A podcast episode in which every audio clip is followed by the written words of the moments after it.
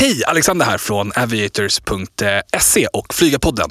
Vill bara flika in snabbt och eh, uppmuntra till att gå in på vår hemsida aviators.se, bli medlem, få ta del av den senaste informationen, vad som händer i branschen, men även såklart också våra rekryteringsuppdrag. Så gör det nu, aviators.se. Vi ses! Då var det äntligen dags. Alex ska lussa, som utlovat. Så att, eh, det är väl bara att ta ton här. Jag trodde du hade förträngt det där. Absolut inte. Helt. Du har lovat det här i två avsnitt nu.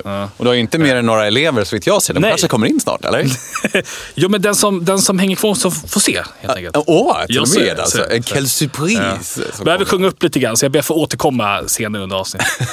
Hur är det med det annars då? Är det bra? Det är jättebra. Eh, hur är det själv? Men det är bra. Det märks av, precis som vi satt och pratade om lite innan här, att det är snart jul och det är väldigt mycket som som redan är på bordet, både yrkesmässigt och privat och eh, som ska hinna bli gjort innan det nya året. Det känns ju verkligen som man är i, i sluttampen nu på, Ja, men verkligen. på 2021. Liksom. Tänk att det alltid är så här. Ja. Att man aldrig kan ha bättre planering. Liksom. Nej, men man tycker att man har det. Men tiden går så himla fort fram tills, eh, tills julen. Och det är ju bara nio dagar kvar när vi spelar in det här nu. Så det är ju inte lång tid kvar. Jag börjar redan känna på mig hur tomteskägget börjar liksom komma fram och jag har slutat raka mig. ah, du kör till slutspelsskägg alltså. Ja, precis. Är julen. Ja, nej, men så det, det, är, det, är, det är lite mörkt. Liksom. Både på himlen, det har varit väldigt kallt, nu lite varmare. Men sen också det här med corona och liksom nya restriktioner och nyheter, ovissheten och sådär. Tredje vågen och Ja, liksom. precis. Så det gör ju att man blir lite så här... åh, jag blir less. Men vad, eh, vad har hänt sen sist då? Om vi bara kollar på det rent flyg, flygmässigt då. Precis, så på två veckor eh, så har vi väl... För två veckor sedan så insåg vi när vi kom in i december att det hade börjat bli oroligt. Alla nyheter hade kommit då kring den tredje vågen. Eh, vi fick flera nya restriktioner. Vi fick det här till exempel att man sa att folk från Sydafrika inte fick eh, liksom resa in i sådana fall med karantänhotell som skulle kosta 25 000 kronor. Liksom.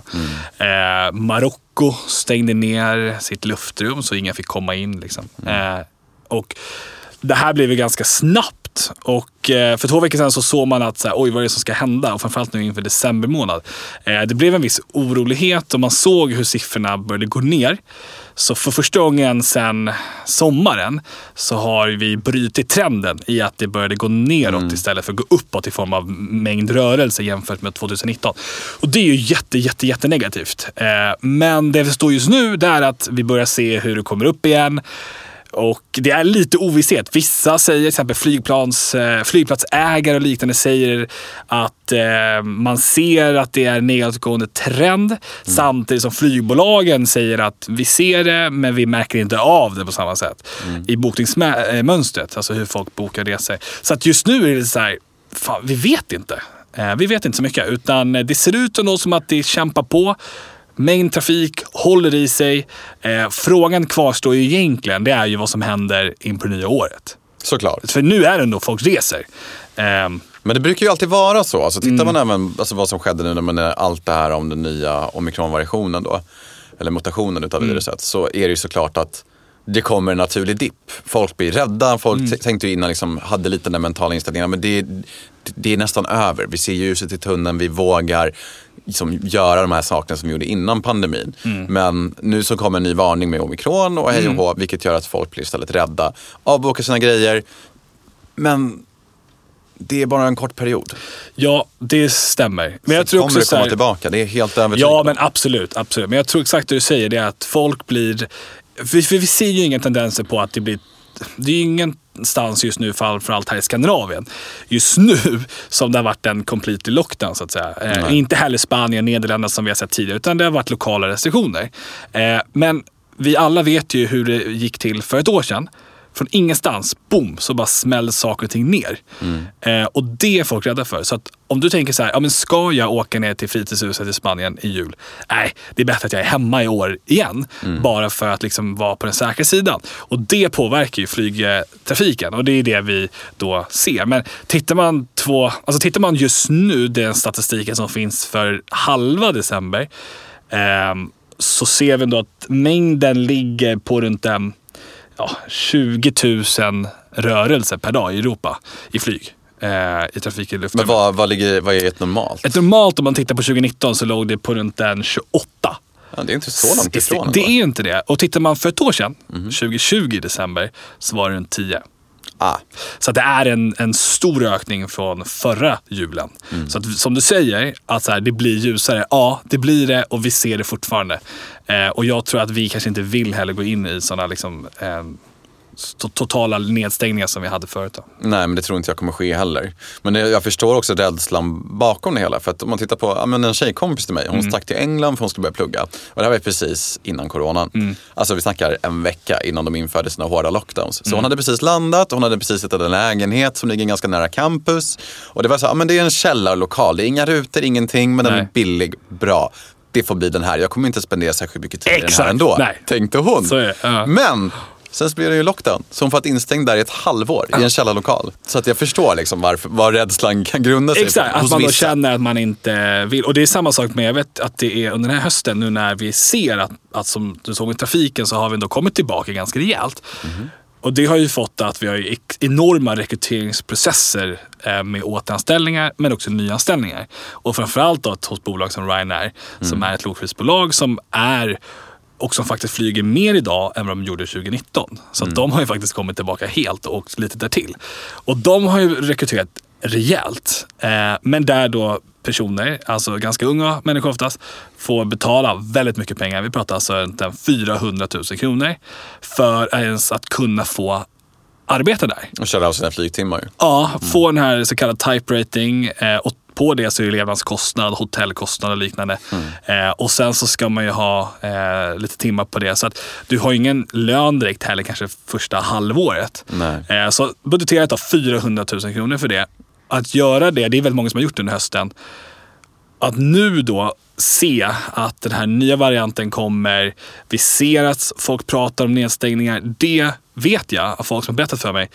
Man mår nästan psykiskt dåligt över det. Just för att du har spenderat nästan en halv miljon kronor på någonting som du anser är en investering. Eh, och du vet inte ens hur framtiden kommer se ut. Det är klart att du kommer komma tillbaka. Förr eller senare, Men- ja. men när, hur liksom? långt fram i tiden är det? Precis, så att jag skulle vilja säga till alla de som står där ute, liksom att, exakt som du själv sa, att det kommer tillbaka. Ha is i magen. Eh, och nej, man måste inte betala för sitt jobb idag. Utan man kan jobba på marken eller göra något annat i ett halvår, ett år. Eh, för snart så kommer det vända. Precis. och då behöver man inte sitta där med alla sina investeringar eller lånat upp sina föräldrars hus till exempel. Eh, för någonting som ändå är lite oklart just nu. Men när vi ändå är inne på personal. Ja. Eh, har det hänt någonting nytt om SAS-upproret? Nej, Det är fortfarande locket på eller? Ja, det är det. Jag vet inte så mycket. Däremot så i helgen, det här är lite kul. Eh, vi presenterade ju i september månad att eh, SAS då hade det här nya bolaget SAS Link som skulle ha det här lite mindre flygplanet. Kommer du ihåg det? Emirates som vi kallar det för. Eh, och eh, i helgen så såg man faktiskt för första gången bild ehm, på det här flygplanet i eh, England. Eh, ommålat. Ett gammalt flygplan från Flybe som, som flög regionalt och i Europa ehm, som gick i konkurs innan pandemin. Eh, SAS har helt enkelt då tagit över deras eh, flygplan. Då. Deras Eh, flotta. Ja, precis. Några stycken i alla fall, eh, initialt. Eh, som ska börja trafikera. Så det var första gången vi fick se en bild med SAS-loggan på det här flygplanet. Eh, Var det som väntat eller var det någon annan som hade någon annan förutfattad mening? Eller hade de gått ut med det tidigt liksom, om, om Nej, att det, var den här som- flygplanstypen Det är de som skulle köra? SAS har ju inte kommunicerat så himla mycket. Varken vad de ska eller vad de vill och liknande. Utan mestadels har ju varit fokus på det här SAS Connect. Mm. Att man tar eh, och bygger upp då bas eh, för Köpenhamn och, och liknande. Eh, och eventuellt Stockholm och Oslo. Ehm, och det är väl det som det här SAS-upproret har handlat om så att säga. Eh, men det här nya SAS Link har vi inte fått så mycket information om. Så att svar på din fråga, är vi vet inte så himla mycket. Eh, det vi vet är dock att eh, sista ordet är inte sagt. Nej men absolut inte. Men om du, om du tar fram din spåkula här, Mm. sedvanlig ordning. Vad tror du kommer ske i Q1 nästa år? Q2, Q3? Ja, alltså min största spaning just nu det är ju verkligen hur kommer Q1 leverera siffrorna? Eh, vi måste upp. Eh, tittar man eh, i 2020 då, för Q1, så att precis innan pandemin bröt ut, då var vi ändå uppe på runt 25 000 rörelser eh, per dag i Europa. Och tittar man då f- 2021 januari så var vi på runt 10 000. Eh, vi måste upp. Och snittet är ju, och statistiken säger ju att trenden är ju att vi kommer vara bättre än, än januari och februari det här året. Ah. Så att det kommer bli bättre. Frågan är bara hur mycket bättre?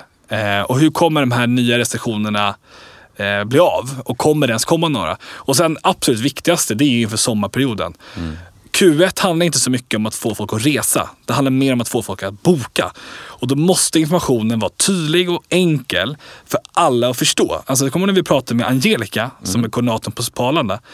Hon sa ju själv att hon har nästan svårt att ha koll på alla olika restriktioner. Om hon har det som jobbar med det, ja, men hur har då Maj-Britt och, och Bosse det liksom till exempel? Alltså det blir Ja, jättesvårt. men det går ju liksom inte. Nej, och vi kan inte få tillbaka flygtrafiken om vi inte kan få alla att resa igen. Så att vi måste göra det enkelt och då kan vi inte ha att du måste ha PCR-test dit, du måste ha de testerna dit, det funkar bara om du är vaccinerad med det.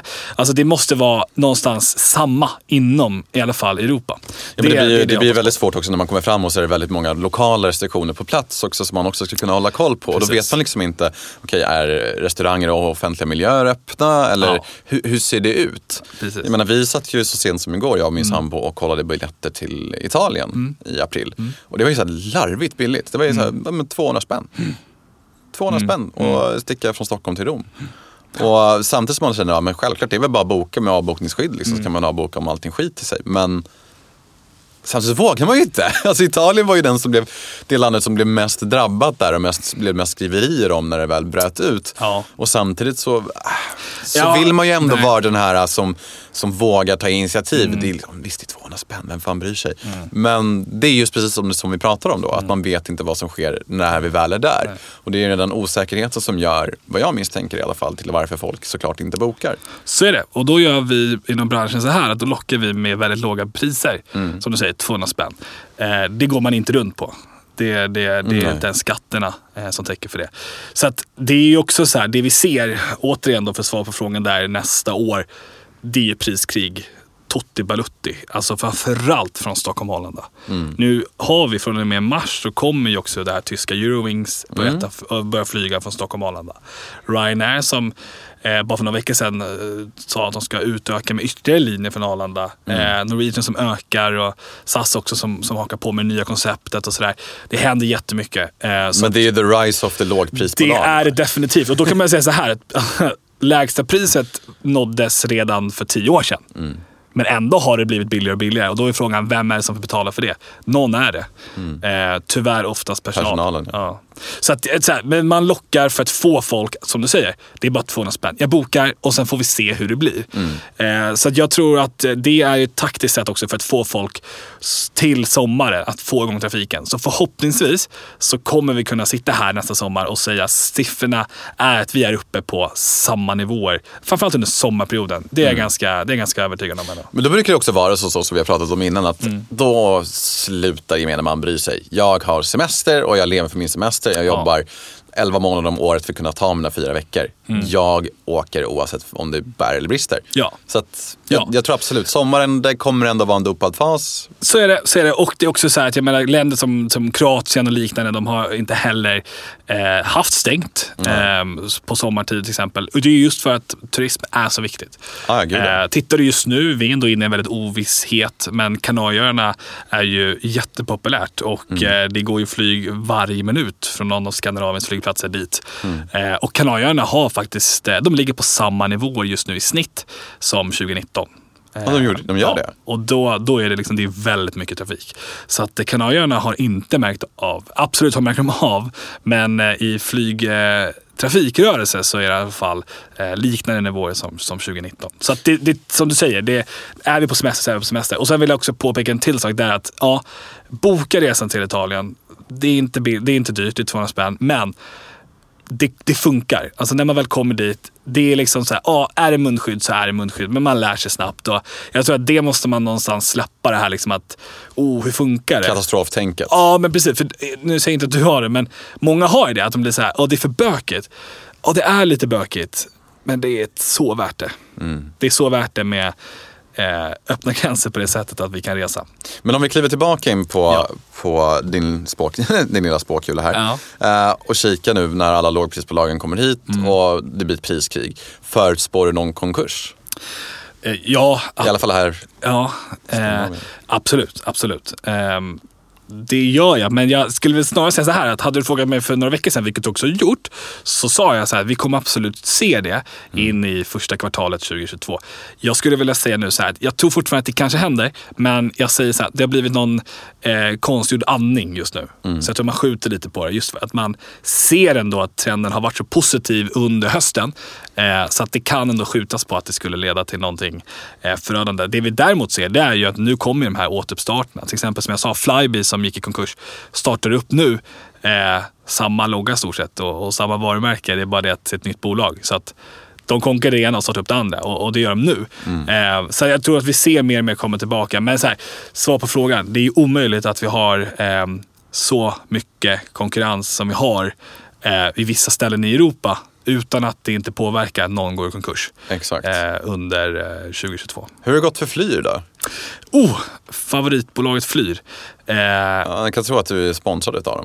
Ja, jag är inte det. Men jag tycker det är kul med någon som vågar. Och eh, alla som har vågat satsa under pandemin eh, förtjänar ändå en, en eloge. Definitivt. Absolut. Eh, så att eh, det har väl gått bra. De visar siffrorna eh, för november som gick något ner eh, från då oktober i till exempel här kabinfaktor, hur mycket man kunde fylla flygplanen och sådär. Eh, men det var också ganska väntat. Som sagt, Norge är ju ett hårt liksom, drabbat land nu med tredje vågen.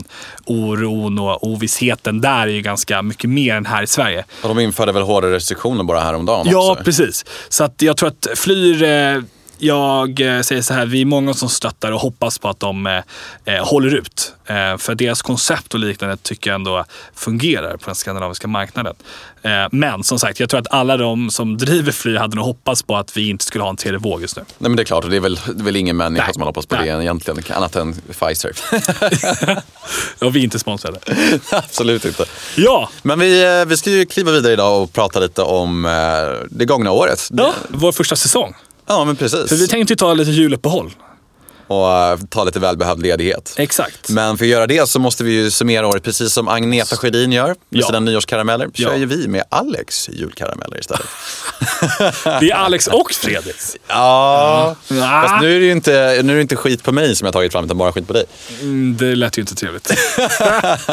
Nej, jag har ingenting att dölja. Ja men vad bra. Mm. För att jag tycker någonstans att vad vi kan börja med är i alla fall någonting som satte ett stort avtryck hos mig. För jag tyckte det här var väldigt, väldigt roligt. Aha. Eh, och det var ju liksom... Och så bara paus. Jag vet ju inte allt vad du har tagit fram. Nej, Nej inte- så det här är jättekul. Nej. Eh, för det handlar faktiskt om Li, en flygvärdinnas bekännelse. Ja, just och det. eh, det var egentligen, hon är en person som har kört, eller kör privatflyg och hon har även kört kommersiellt. Ja. Och då så frågade jag henne hur och på vilket sätt har hon märkt av människor som försöker kliva med in the infamous 10 000 metersklubben. Ah. Och vad är det för skillnad på privat och kommersiellt? Och hon skildrade det ganska bra. Så att, eh, jag tycker vi tar och lyssnar på det. Ja, vad roligt. Har du och hur i så fall har du märkt av människor som har klivit med i 10 000 metersklubben? Eh, ja, det har jag märkt. Eh, och jag kan säga att när det privat så, ja, de får göra vad de vill. Alltså det, du betalar för den Nej, vänta. liksom. Privatjet, då får de göra vad de vill. Ja, men såklart. Ja. Alltså, betalar du så mycket pengar så vill du gå med i 10 000 metersklubben, så men gör det självklart. Liksom, vi har ju till och med sängar ombord. Och är, är, det- är det så, så att om någon som har kommit fram och typ knackar bara du vi ska ha lite så här, egen tid, kan inte du typ komma och så här, fixa sängen och dra för ett par gardiner här eller? Nej, De brukar säga att de ska sova. Ja, det är kodordet. Ja. Klassiker. Ja men det är klart, man säger ju ja. Men de vill vila lite där mitt på dagen, så det är helt okej. Men eh, när det gäller reguljärt så då märker man ju det. Liksom, går in, ser man två personer som går in på toaletten, då kommer jag och knacka på och säga att man får vara en där inne. Ah, nej, Ja. festen är slut. Ja, men jag säga jag räddar de som går in och försöker göra det, för de vet inte hur vidrigt det är där inne. Nej. Är det så? Ja, men folk som råkar kissa på golvet i turbulens och Ja, allt sånt. Alltså. fast det kan, kan väl vara en del av upplevelsen, Jo, men det är kanske jätteromantiskt att göra. Men nej, jag, brukar, jag brukade mm, störa dem. Ja, alltså jag fattar, jag fattar ju helt och hållet till varför Ja. hon avråder folk och egentligen räddar dem från det kommersiella. Ja, det är så liksom. smutsigt. Men, eh, Så smutsigt. men samtidigt så vet man, okej, har jag pengar, då är det godkänt. Hyr ett privatjet, kör. Mm. Respektera det. Ja, fast det är fortfarande liksom hennes arbetsplats och piloternas och sådär. Så jag Ja, det är- det är lite nasty. Man bör ha lite respekt för det alltså. Men det är väl bara att hon sätter på sig ett par jävligt bra hörlurar. Ja, precis. Nej, men jag vet inte. Det är som om jag skulle ta en taxi. Så jag, jag har ju betalt för den här taxiresan. alltså det, är- det är liksom, nej jag vet inte om jag köper. En annan väldigt rolig och intressant gäst som vi hade ganska nyligen, det var ju hon Ja. Angelica, Ja, koordinatorn. just det. Och eh, det var ju så kul när jag råkade droppa tv-serien Arlanda för er och ni båda bara Ah. gick helt extas. Ja, det är den bästa serien bästa någonsin." serien som jag någonsin har sett. Och det, det är verkligen, det var så kul för mig ändå. För jag har inte sett den serien liksom, in depth sen innan. Jag har sett något ströavsnitt vid något tillfälle. Liksom. Men faktiskt efter vi spelade in det avsnittet var jag tvungen att gå hem och titta på det. Ah. Och då såg jag då hon som är typ VIP-värdinna. Som tar hand om ett par som gifter sig på Arlanda. Ja. Det är ju det är så fantastiskt. Det är så roligt. Och det är så charmigt på något sätt. För det är lite som att så här, kolla, du vet, Ullared Böda camping. Nej, nej, nej. Fredrik. Stuket. Jo, nej, för, nej, jo, nej, nej, jo, det ger mig... det är ger totalt mig... två helt olika Ja, men det är två helt olika platser. Men jag, jag, tycker ändå den mentala delen att man, man gifter sig på en, på en Ja, flygplats. ja. Det, det tycker jag är Fint. charmigt men också lite sk- förskrämmande. Liksom. Men jag respekterar, jag respekterar Det är det. fantastiskt. Men det är så här, ja men jag har ja. jag- Du vet jumbojätten som står när man kommer in mot Arlanda? Ja, den som står Like a Mobile på. Ja, det står. precis, precis. Inte sponsrat. Men det är ju ett hotell, om du känner till. Ja, är det det? Ja, ett vandrarhemhotell kan man väl säga. Va? Och de har ju sviten Aha. i cockpit. Oh. Så det är lite så här bröllopssvit. Har du varit där på besök då? Ja, jag har varit på besök. eh, Titta. du sovit över? Nej, det har jag inte gjort. Jag har verkligen velat det. Ja, Eh. Men liksom, min, min sambo delar inte samma fascination att sova i en typ en våningssäng i en av motorerna. liksom, jag förstår inte alls att det inte låter som en trevlig kväll. Och då ska vi ändå tillägga att hon har ju ändå varit verksam inom flyg Precis, också som precis, flygvärdinna liksom ett par år. Så att, Men eh, vi delar inte samma passion där. du, är- du är nörden med andra ord. Ja, så jag får väl liksom fråga vårt community och våra lyssnare, någon som vill sova Någon som vill sova sked med Alex. Ja, precis.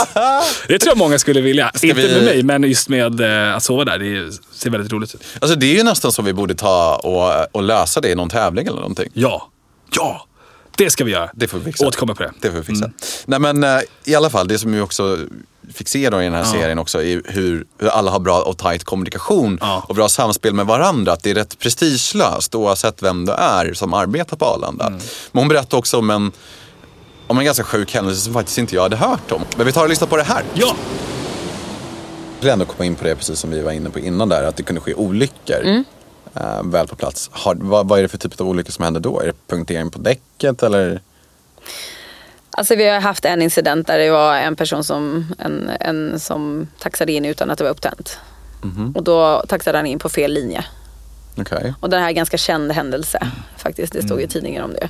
Jaha, jag missat Eh, helt och hållet. Ja, eh, och var på att han då hade för lite utrymme. Han hade väldigt stort plan. Och, eh, eller de, ska jag säga. Det var ju inte bara en person. Utan de hade ett stort plan. Och eh, var på att de då åker in med vingen i, ett, i en byggnad. Som Oj. står bredvid den gaten så att säga. Där sitter Alex och dricker sitt morgonkaffe liksom. Och, Ja fast det var ingen sån byggnad så det var, ju- det var ju liksom i kanten av huset. Så att det var ju liksom tur att det inte var någonting som, alltså det var ju jättetur att det inte var en byggnad som användes på det sättet. Så Okej, det var ju jag liksom, fattar. ja men det, det kan ju hända. Och sen, just det. Eh, vilket gjorde att flygplanet blev stående Eh, flera veckor. Eh, miljontals kronor i reparation. Så det är ju väldigt farligt. Och då så sa ju hon så här att det enda tipset hon hade, för vi sa ju till henne så här, vad har du för tips till oss eh, piloter? Och det var ju att, att eh, Kom inte in förrän vi säger till att ni ska komma in. Att vi har satt igång det här liksom visuella dockingsystemet då, som är det här elektroniska liksom, som visar. Eh, och om det inte skulle funka, kom inte in utan vänta tills vi har kommit fram och vinkar in er i så fall. Så det var hon väldigt tydlig med och det tycker jag att hon har all rätt att vara. Men där kan jag verkligen tänka mig också att det blir någon så här, ja, men en gammal surgubbe, du vet, som har varit pilot ja, men, större delen av sitt liv, pushar 60-årsåldern där någonstans, snart pensionen och bara, äh, kaffeflickan har inte koll, vi kör. Och sen så smack rakt in i Arlanda. Ja, Vad nej, tror du om den teorin? Nej, jag tror inte på det. Ah, okej, fan, Så jag hoppades ju bara. nej, men så det inte. Jag säger så här, det är klart att det alltid kan ske den mänskliga faktorn. Eh, klart. Och nu var det här också en besättning som kom från ett land utanför EU. Mhm. Det är andra krav och regler som gäller och liknande. Mm. Eh, och ibland så tyvärr så blir det fel. så är det bara. Så att det var inte någons eh, direkt fel. Liksom, så. Någonting som jag ändå har tagit med mig från de här avsnitten som vi har gjort och någonting som jag minns väldigt här, starkt. Och det är nog också kanske för att jag romantiserat det. För jag minns det också eh, ganska väl när, det- när det hände för mig. Och det var ju när vår kära blivande pilot Elias Wiklund eh, berättade om hans eh, första gång eh, när han flög själv. Precis, helt utan instruktör. Helt utan instruktör, instruktör, precis. Och det gör man efter bara typ 10-15 timmar. Ja, det är så? Ja, ibland lite längre så här, men snitt 15 kanske. Men det, är- det är klart att det är en, liksom en händelse som måste sitta med resten av livet. För att jag Det är en menar, stor grej. det är första gången du spakar själv. Ja, det är en väldigt stor grej. Och det är nästan så här, för det han berättade då var att eh, det blir nästan lite, ja men lite så här fnittigt. Det blir en sån här konstig känsla. Vi kan ju lyssna på vad han sa. Alltså första gången ändå när man fick flyga själv, då fick man vara det liksom i det som kallas då trafikvarvet. Man flyger bara runt flygplatsen och startar och landar. Så man såg ju flygplatsen hela tiden och sådär. Det som var, när det verkligen gick upp för en att man verkligen flög själv, det var några pass senare när man faktiskt fick liksom sticka iväg lite längre och lämna kontrollzonen och liksom stack ut i övningsområdena. Då förstod man att shit, det är faktiskt jag som, som flyger det här flygplanet själv. Och det var, ja, men det var riktigt stort. Jag kan tänka att jag hörs ett och annat glädjeskrik liksom över kommen där. Ja, men elever där de får göra sin, Absolut. sin första lilla roundtrip. Liksom. Ja. Jag vet att första gången det, ja men det var faktiskt första flygningen och ja, man hade startat och liksom ligger där och håller på och klättrar ut från, från banan liksom och då var det ju bara satt och skrek liksom och sen kom jag på shit, har jag tryckt in, eh, har, jag, har jag tryckt in sändarknappen och så bara, nej det har jag inte, okej, då, kan- då kan jag Så har en döv instruktör på, på Ja, landningsbanan. en, och liksom. en arg flygledare skulle jag tro också. ja, verkligen. verkligen. Men eh, ja, det har varit några sådana moments liksom. Så det, ja, men det är sjukt att liksom tänka sig att man faktiskt flyger en, ett flygplan själv. Alltså det är helt fantastiskt. Ja, jag, precis ja. som, jag, som jag också säger själv i det avsnittet, jag blir bara mer och mer taggad själv på att skaffa någon typ av set. Om det är, är segelflygplan eller om det är för att köra helikopter. Vi får se. Time will tell. Ja, men vi ska ju definitivt ut och flyga lite i vår, Fredrik. Ja, gud alltså. Vi ska det- testa på får det. inte med lokal bedövning för mig då. Nej, men vi fick ju boken från vår kära vet vän och kollega Björn Plot. Jag har läst den, jag Du måste läsa det? om den innan tror jag ändå. Ja. Mm. Jag menar, det är ändå dig jag ska flyga med. När, jag- när jag flyger liksom vanligt så är det en person som inte känner till och tänker det är en, en man med karaktär, pondus, självsäkerhet. Som du vet, Och jag har inget av det. Jo, då, det är klart jag det. Men jag tänker mig, du vet så här, Ja, typ, ah, nu är det en dum jämförelse liksom, men jag tänker mig, inte kapten Haddock, liksom, men du vet en liten äldre gubbe, Mm, liksom, han heter, heter Berra eller Per, liksom, har, har kört flygvapnet sen innan liksom, och nu, ska nej, nu är han bara ute och kör den här gamla kärran. Liksom. Han, han kan jag, liksom, jag kan lägga mitt liv i hans händer. Ditt, Nej, jag hör vad du jag säger. vet inte om jag känner dig så bra att jag känner att jag kan liksom Nej. put it all out there. Men eh, vi får väl se, vi får ju filma det och eh, antagligen så kommer jag bli ett YouTube-fenomen. Men eh, Precis. jag ställer upp. Det blir svin. ja, nej men det, det blir svinkul. Det, det, du har inte så mycket att säga om det, utan det kommer hända. Så det blir jättekul. Eh, bra. Ja, men nu frågade jag Elias om, om euforin var ungefär som han tänkte det. Ja. Från första början, liksom, eh, att han skulle känna när han skulle få spaka själv. Just det.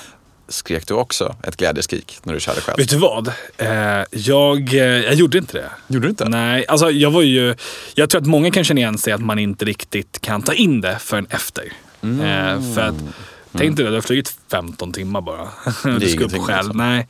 Jag minns första gången jag flög själv lite längre och sådär. Det var, då var jag i USA. Eh, och flög i Florida. Och då, ja, det, ja men det gjorde det. Men jag tror, och många kan känna igen sig i det, att det blir först efter. Att man får den här, wow, vad har jag gjort? Liksom. Och då blir det nog den känslan, man blir ganska stolt liksom, över vad man har alltså, åstadkommit.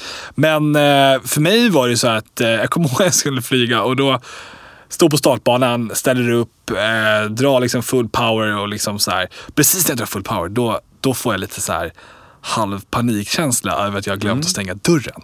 Åh nej! Ja. Det är som att gå hemifrån Ja. så har man glömt på spisen. Ja, fast- exakt, fast en helt annan... Förvärra det gånger Ja, 5000 exakt. liksom. Men det här var också flygplanets kropp, eller så här flygplanstyp som gjorde att, att dörren var ju stängd, det såg jag ju liksom. Men den var ju nog inte kanske låst, jag visste inte det. Och den var uppe i mitt högra liksom, periferi. Mm. Så att, och jag var ju helt fokuserad på startbanan för att liksom fokusera på det. Det är liksom prio ett.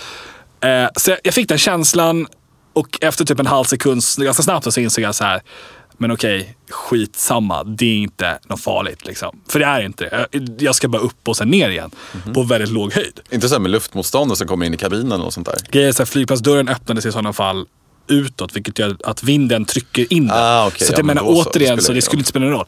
Men det var ändå en sån här liten känsla bara som gjorde typ så här, dra full power och så bara Ah. Där och så, så bara, nej det. är okej liksom. Eh, så att, men det, det var min första känsla. Men annars fantastiskt kul, så jag kan verkligen förstå dem. Men för många som lyssnar då som tänker så här, åh det där vill jag. Och, liksom så här, och många som kanske är ute och flyger själv just nu också.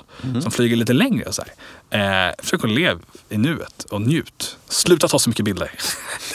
och liksom bara, bara njut, för det är en fantastisk känsla. För du, du kommer ju liksom inte flyga själv i din karriär sen, någonsin nästan. Eller liksom, det gör man inte. Så att, eh, inte som kommersiell pilot i alla fall. Men nu när vi ändå är inne på USA så tänker jag ju direkt på, på när vi hade Björn här, Björn Ja. Pilot. Björn Pilot. Och vi pratade om eh, hur det var precis innan pandemin och hur han kommer ihåg det.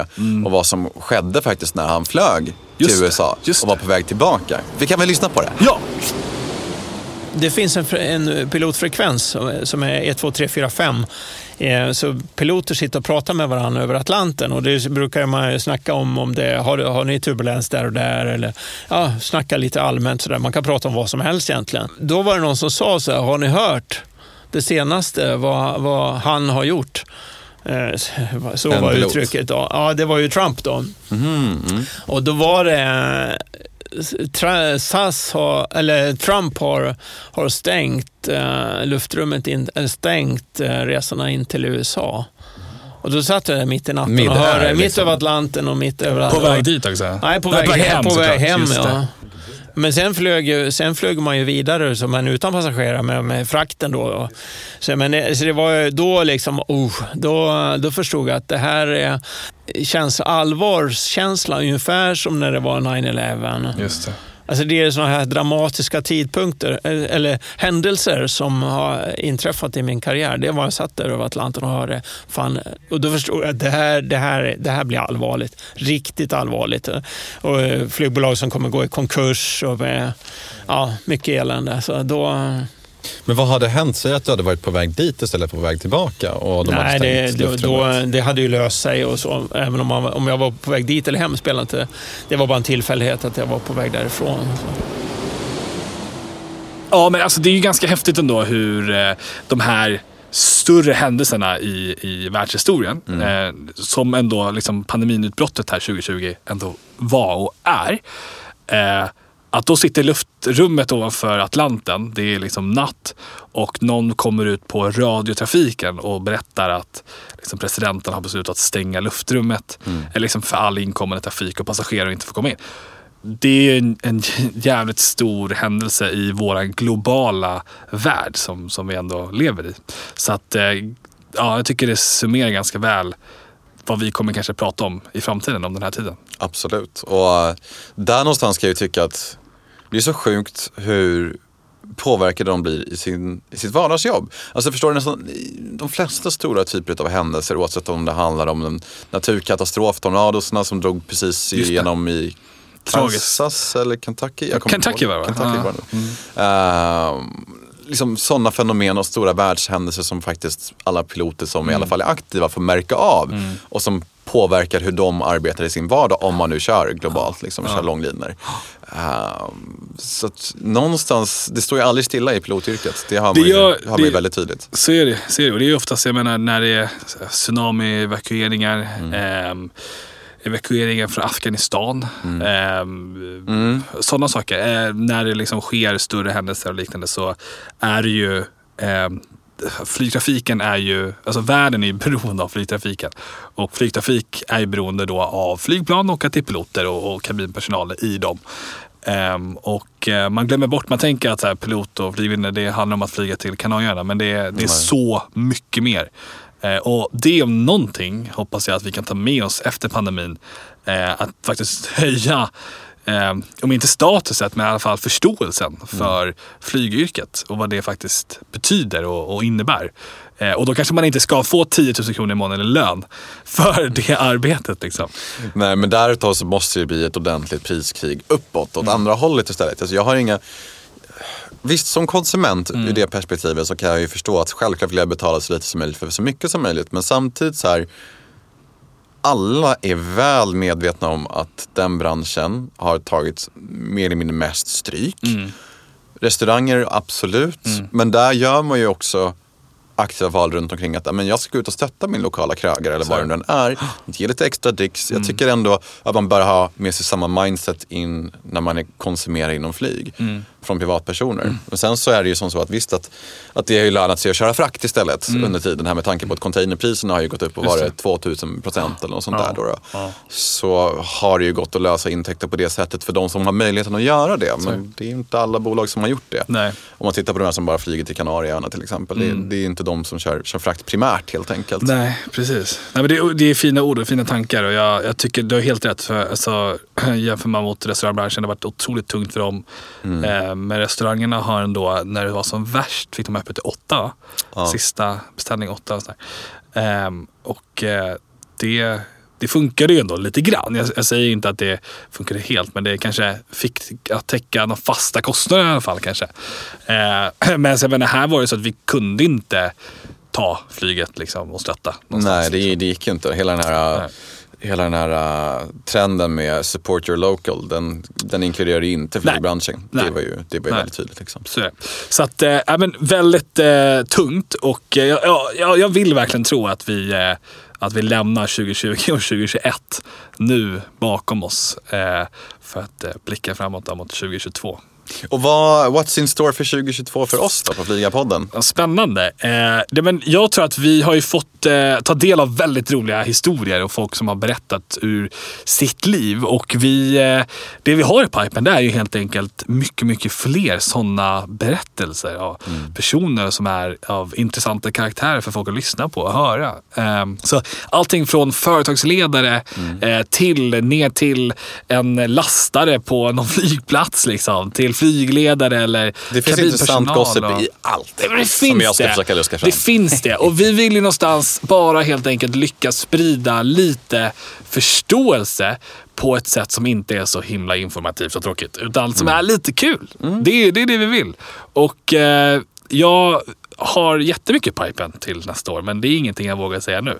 Jag, eh, jag vill ju dock reveala att nej, Ja. eh, nej, men det är en person Ja. som jag verkligen har siktat mig in på som eh, körde i flygvapnet under Just kalla kriget. det ja. Och eh, som hade kontramanövrar mot ryska flygplan som försökte penetrera svenskt, eller som penetrerade svenskt eh, det. luftrum över Gotland.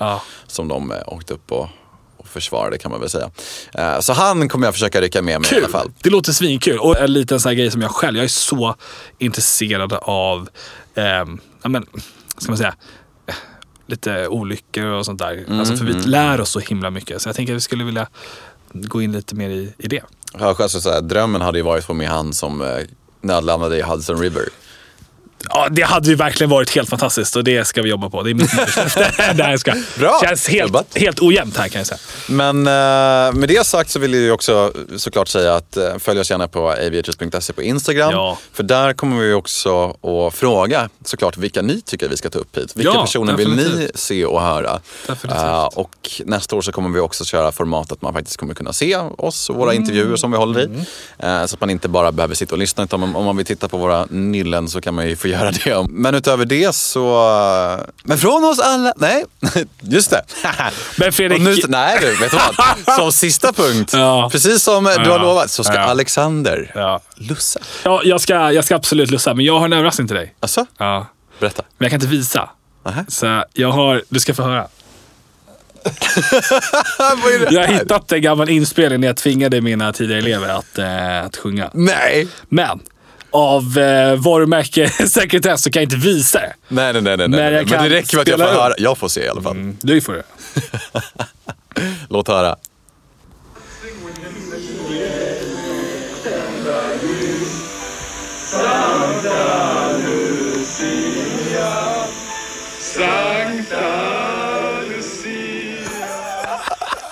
Det är helt fantastiskt. Backar upp till dörren där jag bor Är det som i fjol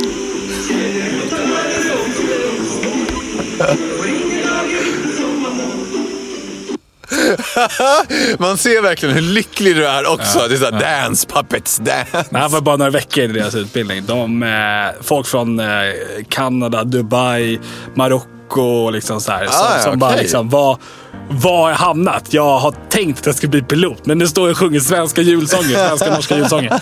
Men det är ju det som är fantastiskt. Så där fick du faktiskt din lite Lusse-sång där. Jag är så nöjd. Det var till och med över förväntan. Jag trodde du skulle Ja. försöka hitta på någon dålig ursäkt. Skylla på att äh, men, eh, Jag har katten grävt, har dyslexi jag eller grävt djupt farmor kommer i hem. arkiven för att ta fram det här.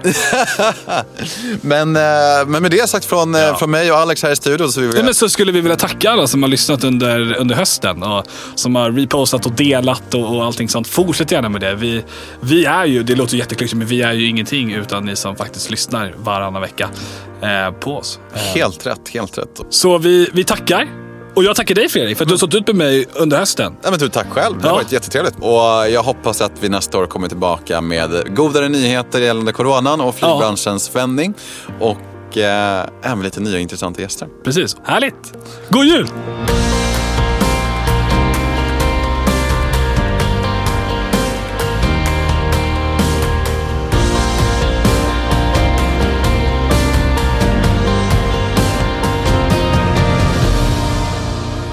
Nej men titta, är du kvar här? Ja men vad roligt. När du ändå sitter här så tycker jag du kan hoppa in på aviators.se och registrera dig som medlem. Där får du de senaste nyheterna, allting om våra rekryteringar och så får du även hålla lite puls på oss när vi skickar ut våra nyhetsbrev varje månad. Välkommen in!